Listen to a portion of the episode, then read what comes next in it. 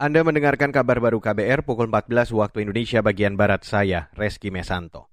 Saudara Presiden Joko Widodo menandatangani peraturan presiden atau perpres tentang pengesahan persetujuan Flight Information Region atau FIR Indonesia dan Singapura. Jokowi menyebut kesepakatan ini merupakan langkah maju atas pengakuan internasional terhadap ruang udara Indonesia. Sudah lama ruang udara kita yang berada di atas Kepulauan Rio dan Natuna dikelola oleh Singapura. Dan berkat kerja keras semua pihak, kita telah berhasil mengembalikan pengelolaan ruang udara di atas Kepulauan Rio dan Natuna kepada NKRI. Dan ini menambah luasan Flight Information Region FIR Jakarta sebesar 249.575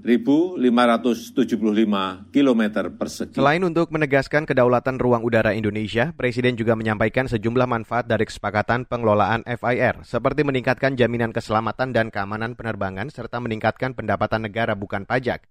Adapun perpres yang ditandatangani Jokowi berisi tentang pengesahan persetujuan antara pemerintah Republik Indonesia dan pemerintah Republik Singapura tentang penyesuaian batas antara Flight Information Region Jakarta dan Flight Information Region Singapura. Perpres tersebut telah diundangkan pada 5 September 2022. Beralih ke berita selanjutnya, Saudara. Komisi Pemberantasan Korupsi atau KPK mendorong seluruh badan usaha milik daerah atau BUMD membentuk Satuan Pengawas Internal atau SPI. Deputi Bidang Pencegahan Komisi Pemberantasan Korupsi atau KPK, Pahala Nainggolan mengatakan, saat ini dari 959 BUMD di Indonesia, hanya 239 atau 25 persen saja yang telah memiliki SPI. Ada SPI aja belum tentu benar, apalagi nggak ada. Nah kenyataannya sekarang hampir sepertiga itu nggak ada SPI-nya. Jadi kebayanglah direksi menjalankan BUMD, pengawasannya hanya oleh komisaris yang kadang iya kadang enggak, setahun sekali aja dalam bentuk laporan tahun. Jadi tidak operasional dan kita bisa bayangkan gimana kondisi BUMD yang nggak ada SPI. Ke depan kita ingin semua ada. Dan yang lebih penting lagi ada SPI-nya dan dia berjalan efektif. Deputi Bidang Pencegahan KPK Pahala Nainggolan menyebut peranan Satuan Pengawasan Intern atau SPI BUMD penting untuk meningkatkan efektivitas kinerja serta dapat melakukan penilaian yang independen dan objektif dalam rangka memberi nilai tambah bagi korporasi. Lebih lanjut, Pahala juga mengatakan setiap BUMD yang telah memiliki SPI masih riskan merugi karena potensi penyalahgunaan, apalagi jika tidak memiliki SPI. Dan saudara, harga minyak dunia jatuh ke level terendah sejak Januari 2022.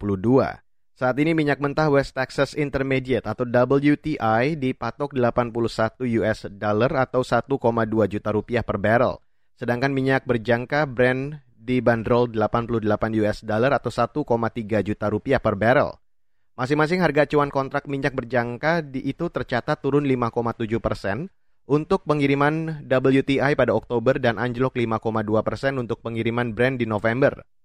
Dilansir dari Antara, analis Price Futures Group, Phil Flyen mengatakan, penurunan harga minyak dunia terjadi karena para pedagang khawatir terhadap kebijakan moneter ketat dari berbagai bank sentral di dunia. Diketahui banyak bank sentral berencana meningkatkan suku bunga acuannya. Kebijakan itu dikhawatirkan bakal memicu perlambatan ekonomi dan mempengaruhi pemulihan ekonomi pasca pandemi. Terima kasih Anda sudah mendengarkan kabar baru yang dipersembahkan oleh kantor Berita Radio. Saya Reski Mesanto.